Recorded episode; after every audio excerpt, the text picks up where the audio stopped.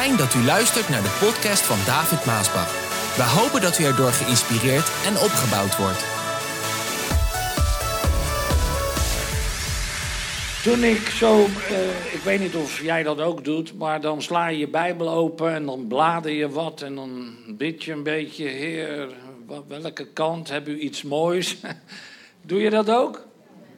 En dan op een gegeven moment dan zie je iets. Of dan valt iets op. Of dan komt er een soort ingeving, een soort idee. En dat is niet uit jezelf, dat is de Heilige Geest. Dus weer de Heilige Geest.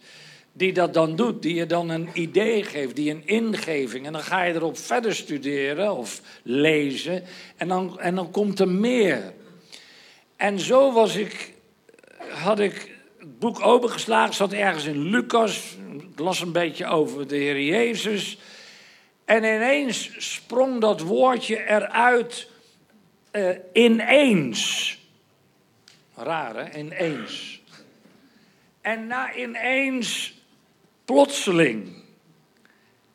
En ik dacht na ineens, plotseling, onmiddellijk, op datzelfde moment, in een oogwenk, heden, nu, direct.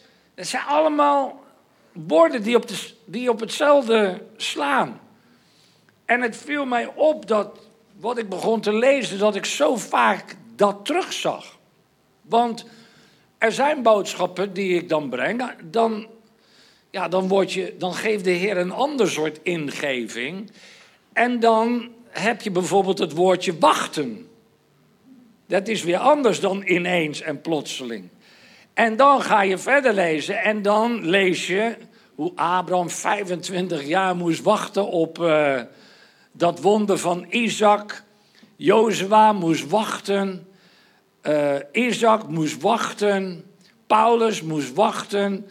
Uh, en, en dat is de andere kant van de boodschap die ik vanmorgen breng. Dat er zijn momenten voor dingen en wonderen en, en zegeningen dat je moet wachten op de Heer. Maar vanmorgen kreeg ik het tegenovergestelde. Dat ik zo vaak lees over direct en op datzelfde moment. Ik las, in, ik had dus Lucas ook open, Lucas 9, vers 29. Maar dat gaat over de berg der verheerlijking. En uh, terwijl Jezus aan het bidden was, begon zijn gezicht te glanzen. Hij ging met welke drie discipelen? Petrus, Johannes en Jacobus ging hij die berg op. Die wordt in de Bijbel de berg der verheerlijking genoemd. En terwijl hij begon te, te bidden, werden zijn kleren verblindend wit. En ineens stonden daar twee mannen met hem te praten. Het was Mozes en Elia. Ineens stonden Mozes en ik dacht, nou, dan ga je weer verder denken natuurlijk. En ik dacht, hoe, heren, dat Jezus daar op die berg der verheerlijking is en Mozes en Elia met hem zitten te praten. En dan Petrus, Johannes en Jacobus, die slaan dat dan gaande. En Petrus die, die, ja, die zegt, uh, laten we hier blijven, ik maak drie tenten. Nou, die begreep er helemaal niks van. En, en, toen vergeleek ik ons een beetje zo ook ermee. En toen dacht ik, Mozes en Elia. Mozes en Elia, de Bijbel zegt, Elia was een mens zoals jij en ik. Mozes en Elia die met Jezus daar praten. Wat een, wat een happening. Wat een gebeurtenis moet dat daar zijn. En dat jij dan daarbij bent en dat gadeslaat. En dat gebeurde ineens. En dan lees je daarna uh, dat hij. Er staat ook. En ineens was Jezus weer op zichzelf. Ineens was het weg. Het kwam ineens en het was ineens weer weg. Lieve mensen, zo spreekt de Bijbel ook over raamwerken. God is een God van tijd. God is een God van raamwerk. Uh, uh, als je bijvoorbeeld het uh, volk van Israël neemt, toen ze bij de grens kwamen van het beloofde land, toen zeiden Jozua en Caleb, we gaan binnentrekken, we gaan het in bezit nemen. Ja, niet zomaar. Ze zeiden, want de Heere is met ons. Weet je dat? En toen waren die tien verspieders, die negatievelingen, ik zal een keertje hun namen noemen. Die zeiden, nee, het gaat niet. We doen het niet, want ze waren bang. En, en ze hadden ongeloof, want de Heer was met hen. En ze deden het niet. Dan zie je dat ze daar ruzie maken. En dan ineens, dan zeggen die verspieders, die tien, oké, we gaan wel. En dan zegt Mozes weer, nee, nou moet je niet gaan, want nou is de Heer er niet bij. En dan gaan ze toch. En ze verliezen, lieve mensen. Oh nee, ze gaan niet. Sorry. Uh, dan zegt Mozes, je kan niet gaan, want de Heer is nu niet bij je. En, en luister, lieve mensen, God is een God van ineens. Het kan ook wachten. En de Heilige Geest zal jou moeten zeggen: moet ik optrekken of moet ik wachten? Dat was David. Heren, moet ik optrekken of moet ik wachten? En de Heer zei: wacht totdat je het geluid in de moerbijbomen hoort. En zo, lieve mensen, er zijn dingen die gebeuren ineens en dan moet je er klaar voor zijn. Ik zeg wel eens, je moet als een sleutel zijn die op de richel ligt, op die bovendorpel van een gesloten deur. Er zijn deuren die God nog niet gelijk opent en die zijn dicht. En weet je dat de meesten dan eigenlijk het voorbij laten gaan en ze gaan met een, iets heel anders bezig. En het moment dat de Heer de deur opent, zijn ze er niet bij. En missen ze dat wat de Heer wil, wat de Heer ze wil geven. Maar als jij een wachtende sleutel bent op de bovendorpel van de deur en je wacht, je wacht, je gelooft, je verwacht, je bidt, je gaat door dan ineens als de Heer de sleutel nodig heeft. Oh. En dan opent hij. Want zo werkt het dat de Heer. Heb jij dat ook wel eens dat je een sleutel ergens hebt liggen? En, en die zoek je dan zo om de deur te openen. En de Heer die zoekt dan de sleutel. Oh, hier is de sleutel en dan gaat de deur open. Maar als de sleutel er niet ligt, kan de deur niet open. En ik zou zeggen, zorg dat je een sleutel bent die op zijn plaats is. Op de plaats die de Heer wil dat je zal zijn. Al moet je wachten of het gebeurt ineens. Maar als de Heer ineens wat doet, dan gaat het pijlsnel. Ja, zo was het ook met die jongen van boze geest. De Heer Jezus kwam de berg af in Lucas 9, vers 37. Terwijl zij de volgende dag van de berg afdaalden, dat was die berg van de verheerlijking, kwam een grote menigte mensen hun tegemoet om Jezus te zien. Er was een man bij die luidkeels riep: Meester, kom toch kijken naar mijn jongen. Het is mijn enig kind. Hij heeft zo'n last van een boze geest. Als die hem de baas wordt, begint hij ineens te krijzen. Dat is de andere kant van het goede, boze. Krijgt hij stuiptrekkingen en het staat schuim op zijn mond. Die geest laat hem bijna niet los en doet hem heel veel kwaad. Ja, dat is een andere. Ehm, ik weet niet of je zelf misschien wel eens daarmee te maken hebt gehad. Of misschien heb je zelf ook een kind. Je had, die, je had het meisje, jongen in je armen, zo lief. Zo aardig. Groeide op, kreeg ergens mee te maken en ineens is je kind veranderd. Ineens kunnen er dingen komen in het leven dat je denkt, Heer, hoe, wat moet ik hiermee? Zo was het met deze jongen ook. Ineens komt dan die boze geest en ja, die maakt dat hij stuip gaat trekken, schuimbekken en zo. Nou, dan ben je echt bezeten. En dat is als een boze geest werkt. Maar als de Heer Jezus dan tot die jongen gaat, want je weet, de discipelen konden hem niet helpen. En dan gaat de Heer Jezus tot die jongen en dan bevrijdt hij die jongen van die boze geest. En dan ineens is hij helemaal in orde. Lieve mensen, dat is wat Jezus kan doen. Vandaar dat we hebben het over de naam van Jezus ook vandaag heel vaak. Dat is wat de naam van Jezus kan doen. Hij kan je volkomen bevrijden van elke macht van de boze. En dat gebeurt ineens. Plotseling. Terwijl ik dit zeg, herinner ik mij in 1997. Er waren jaren van zo'n gekwetstheid waar ik doorheen moest gaan. Ik had, pijn, ik was gekwetst van allerlei dingen die gebeurden door broeders en voorgangers en zusters en noem maar op. Ik had gewoon pijn en verdriet. En in 1997 was ik in het congresgebouw en ik had net gesproken.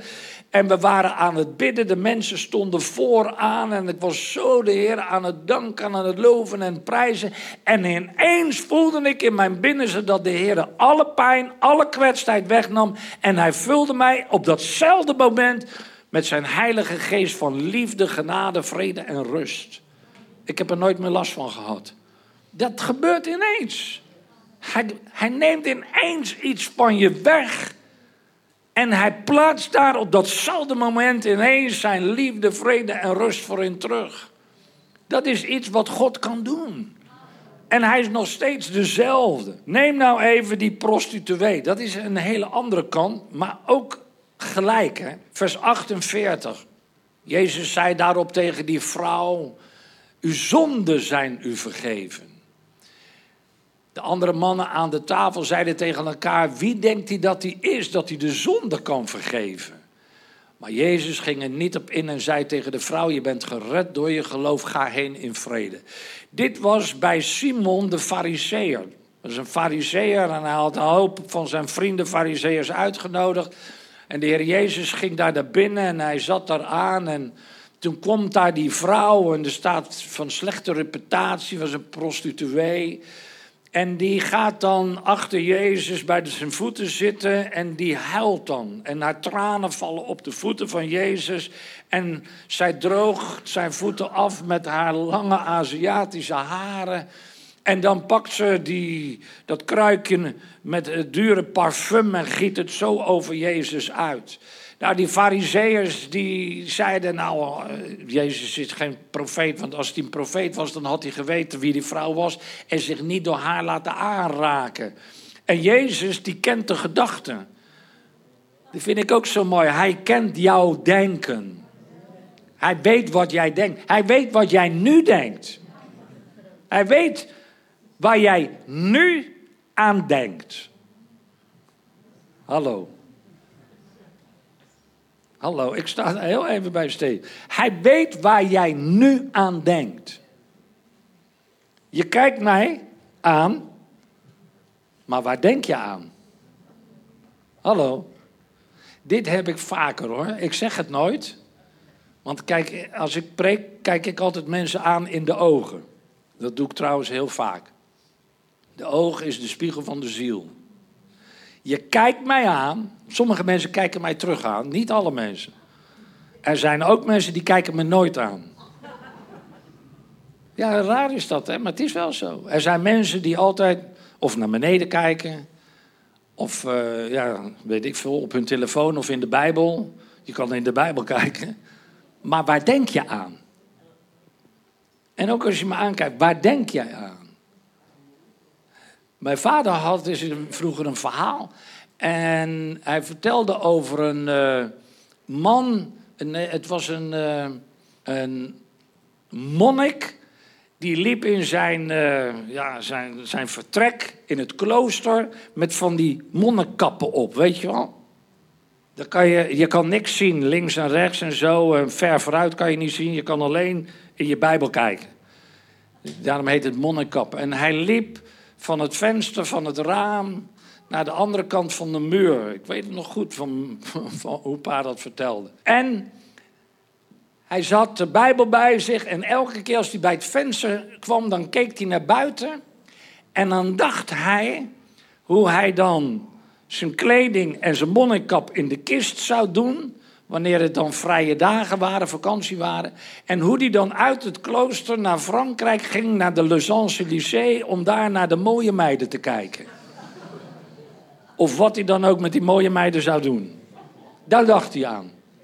En zo, lieve mensen, ik vind het zo mooi dat je kan met je Bijbel en een monnikkap en net doen of het zo vroom is. En misschien naar mij kijken, maar waar denk jij aan? God weet waar jij aan denkt. Hij weet of je erbij bent. Of dat je aan je auto zit te denken. Of aan je huis. Of aan je geld. Of aan je vriend. Of aan je vriendin. Of aan je vakantie. Of wat ga je vanmiddag doen? Ik zou niet weten. Of misschien gewoon aan je wasje. Of je aanrecht. Ja, maar de gedachten die wijken zo gauw af. Als je niet geconcentreerd even een moment echt geconcentreerd luistert, dan zit je wel twintig keer tijdens een boodschap aan iets anders te denken. En dan, oh ja, moeten we even luisteren. Daar heeft het allemaal mee te maken vandaag. Het leven is druk. Hoe kwam ik eigenlijk op dat onderwerp? Oh ja, die prostituee, die fariseërs. Hij kende hun denken. Hij zegt, Simon, hij zegt, jij hebt mij niet mijn voeten gewassen. Jij hebt mijn hoofd niet gesalpt. Jij hebt me geen kus gegeven toen ik binnenkwam. Die vrouw heeft niets anders dan dat gedaan. Er is haar veel vergeven. Daarom is ze zo blij. Daarom is ze zo dankbaar. En zie je, de Heer weet dat. En toen hij zei, je zonden zijn je vergeven tegen die vrouw, waarin die fariseërs helemaal niet geloofden, wie is die vent dan wel? Wat denkt u? Wanneer werden die zonden vergeven? Wanneer denk je? Hallo? Het is geen strikvraag, hè? Dat werd terstond vergeven. Op dat moment toen Jezus zei, je zonden zijn je vergeven, waren haar zonden vergeven. Dat was niet iets wat in wording zou moeten komen. Dat is niet waar je op moet wachten. Dat is niet waar je allerlei dingen moet ondernemen. Want in een heleboel traditionele kerken moet je dat wel. Hè? Dan moet je op de biecht en je moet, weet ik veel, eh, een aantal handelingen doen. Maar zo werkt het niet. Wanneer je je zonde beleidt aan de Heer, dan vergeeft Hij terstond. Hij wast je rein terstond. Neem eventjes de golven op de zee. Er staat, ze gingen met de discipelen over het meer heen. Er kwam een grote storm, de golven gingen tekeer. En hoe vaak kan het ineens in jouw en mijn leven niet gaan stormen? En dat je denkt, hoe ben ik hierin terechtgekomen? Wat een storm en wat een crisis. Jezus ligt te slapen in de boot. Ze werden bang. Jezus werd wakker gemaakt. Hij komt op het dek. Hij zegt: Storm, golf, zwijg. En onmiddellijk werd het blad stil. Vind je dat niet mooi? De Heer kan onmiddellijk een storm in je leven doen laten liggen. En het gebeurt ook vaak. Dat wanneer je de naam van Jezus aanroept, dat dan in één keer komt dat moment. Als je volhoudt, als je vasthoudt, in één keer glijdt het van je af en wordt het stil. Heerlijk is dat. Neem nou even de minister van Financiën. Nou, laat ik die niet nemen. Neem de die van het kruis. Ja, het zijn allemaal voorbeelden die ik zo opschreef. Waar ineens onmiddellijk terstond iets gebeurde. De dief van het kruis. Eentje rechts, eentje links. Eentje moest niks van Jezus hebben. Als je de zoon van God bent, zeg dan dat we van het kruis af moeten komen. Die andere zegt, hoe kan je dat nou zeggen? Wij zijn schuldig, hij niet. O Heer, gedenk mij als u in uw koninkrijk komt. En wat zegt Jezus? Heden, vandaag zal jij met mij in het koninkrijk zijn. En toen ze daar alle drie stierven, want Jezus stierf ook. Lieve mensen, wat denk je waar die, waar die moordenaar heen ging? Waar denk je? Heden in het koninkrijk zijn. Daarom geloof ik ook dat ik bij de Heer zal zijn als ik zal sterven. Neem Paulus Silas in de gevangenis en de bewaarder. Handelingen 16. De cipier vroeg om licht en rende naar de kerken van Paulus en Silas. Hij viel bevend over zijn hele lichaam voor hem neer. Uh, de geest des Heren, Paulus en Silas waren in de gevangenis. Ze gingen de Heren loven en prijzen. En ineens kwam er een aardbeving. Alle ketenen van alle gevangenen viel af en alle deuren gingen open. Van de gevangenis. Nou, die cipier die deed het bijna in zijn broek. Die dacht dat alle gevangenen gevlucht waren. En uh, dan staat het, daarop bracht hij hen naar buiten en zei die cipier aan Paulus... Heren, wat moet ik doen om gered te worden? Geloof in de Heer Jezus. Dan zal je gered worden en al je huisgenoten ook. Lieve mensen, als je geloven gaat in de Heer Jezus, zal je werkelijk gered worden. Je doet het zonder gebed. Zo moeilijk is het allemaal niet. Dat, dat is niet een heel proces. Ja, dat is allemaal al gebeurd op Golgotha. Maar ineens, als je zo je zonde aan de Heer beleidt, er zijn zoveel voorbeelden die dit zeggen en gaat geloven, dan komt Jezus, hij reinigt je van alle zonde, hij schrijft je naam, er gebeurt ineens heel veel. Hij schrijft je naam in het boek des levens, de Heilige Geest komt binnenin je en je bent gered tot de eeuwigheid. Wat daarna allemaal gebeurt, dat zijn andere boodschappen. Zoals de verloren zoon het aan. Toen de mensen dit hoorden, werden ze diep in hun hart geraakt. En vroegen aan Petrus en de apostelen, vrienden, wat moeten we doen? Dit was op die Pinksterdag. Dat uh, Petrus begon te prediken, het evangelie. Ja, wat moeten we doen toen ze die boodschap hoorden? Petrus antwoordde, nou, je moet je bekeren.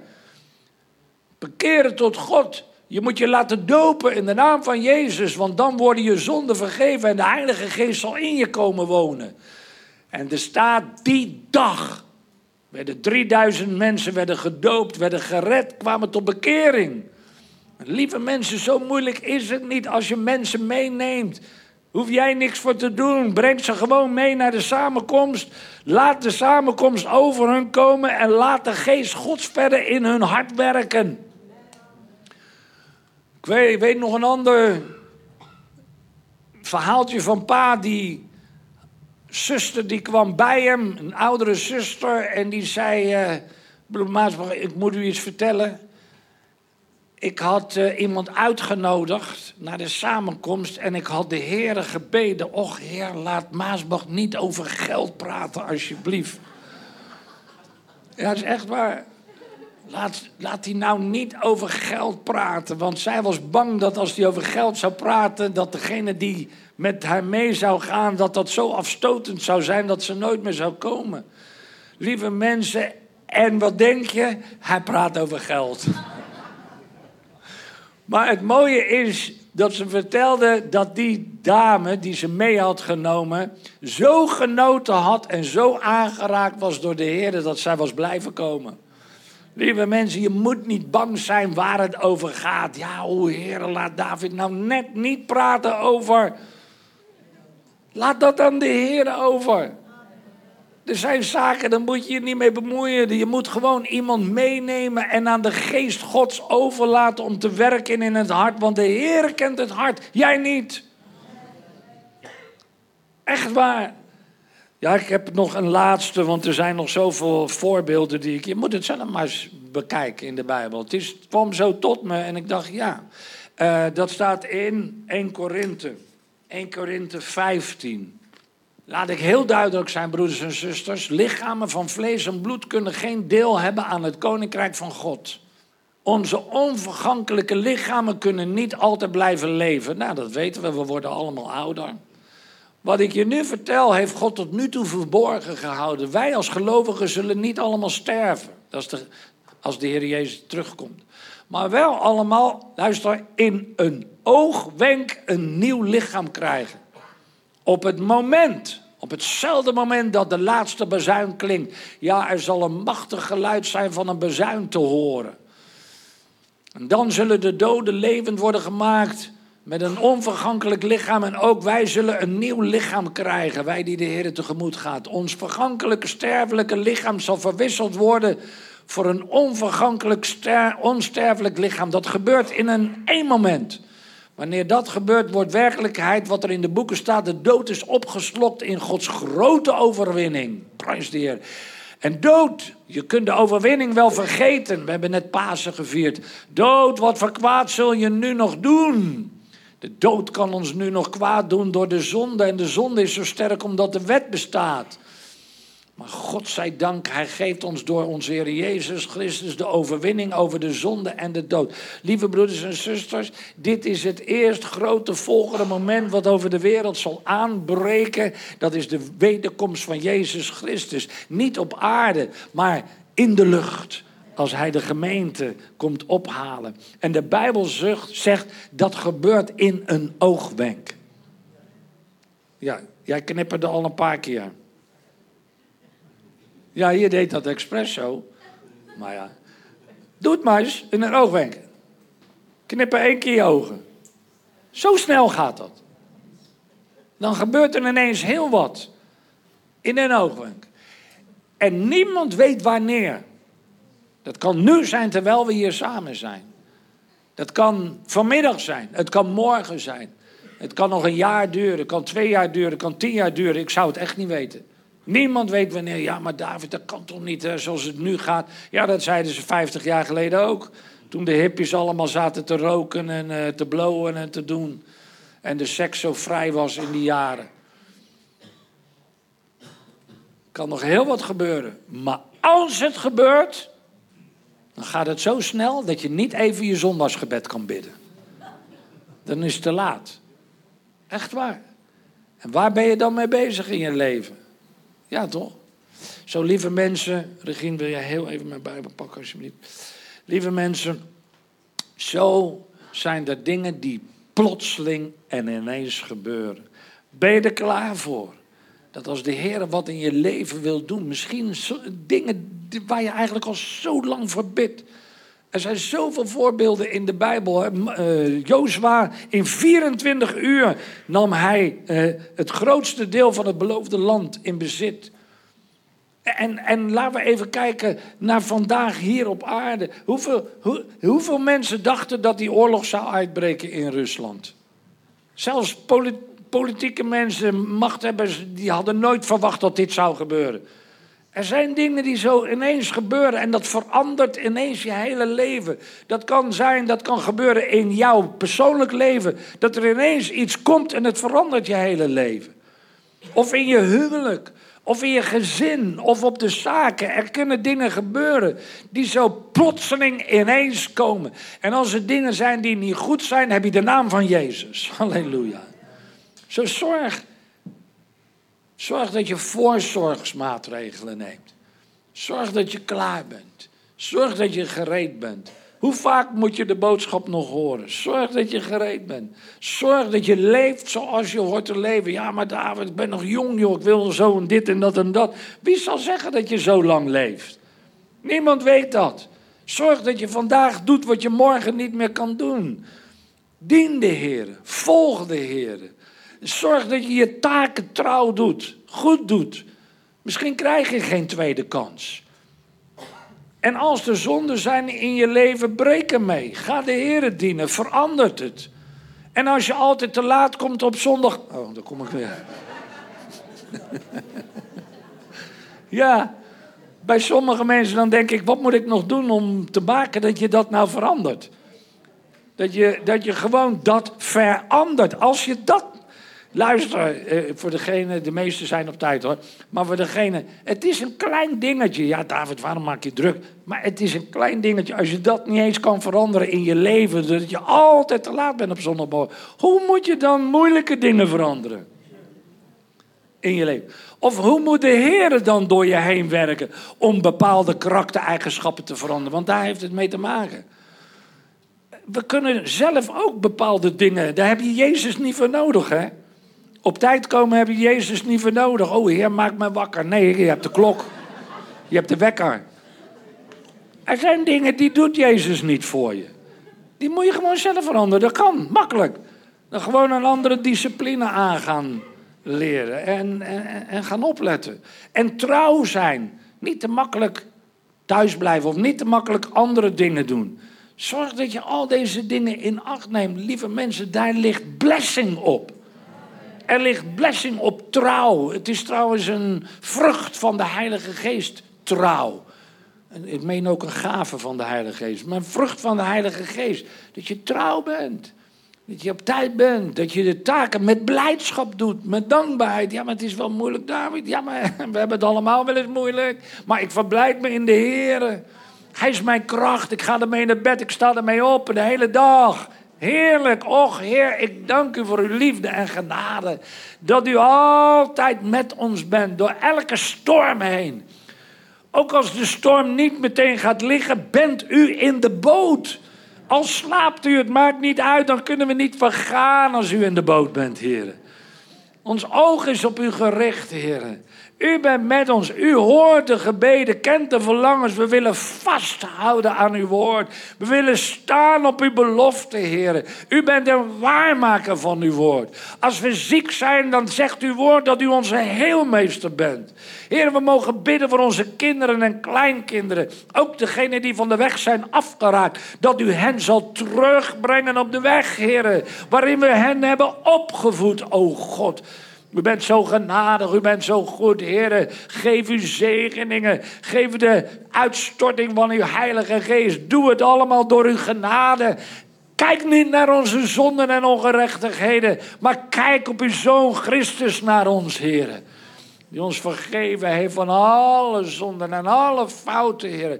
Geef de ouderen nieuw kracht en sterkte in hun geest, ziel en lichaam ook, Heer. Oh ja, heren, dat wij een gezegende gemeente zijn met al uw zegeningen, heren. Heren, open de ogen van uw kinderen voor de waarheid, heren. Heer, dat we nieuw Jenners zullen zijn. Net als Jozef en Caleb, gelovende, u bent met ons, heren. Met u zijn we overwinnaar, heren. Met u zullen we doorbreken door elke barrière van de duisternis. Halleluja. Heer, ook als we weer gaan openluchten en evangeliseren. Laat uw zalving en uw zegen op die hele plaats zijn, Heer. Op de kinderen komen, Heer. Op die moslims, die hindoes, die boeddhisten, die goddelozen, die atheïsten, Heer. Oh, dat u ze tot bekering zal brengen, Heer. Ook onze familieleden en vrienden en kennissen, Heer, die u niet kennen. Sommigen die tegen u zijn. Heer, u breekt elke macht der duisternis. Zo bidden we voor deze dingen, heren, dat uw gemeente sterk zal zijn. Heren, dat we nieuw Jenners zullen zijn. Halleluja. Die wandelen in het licht. Die uit de duisternis zijn gekomen en in het licht wandelen, heren. Heren, de kinderen die opgroeien, de baby's die we opgedragen hebben. De zonderschoolbezoekers, de kinderen, de jeugd, de point, heren. Dat ze op zullen groeien in uw vrezen, wandelen op uw wegen, bruikbaar zullen zijn in uw handen, heren om een licht te zijn, juist in onze generatie van vandaag.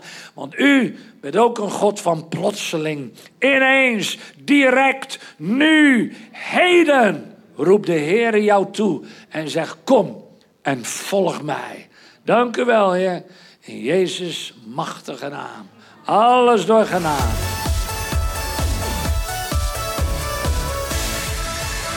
Bedankt voor het luisteren naar deze podcast. Wilt u meer preken beluisteren? Ga dan naar message.maasbachradio.com. Bezoek ook eens onze website www.maasbach.nl.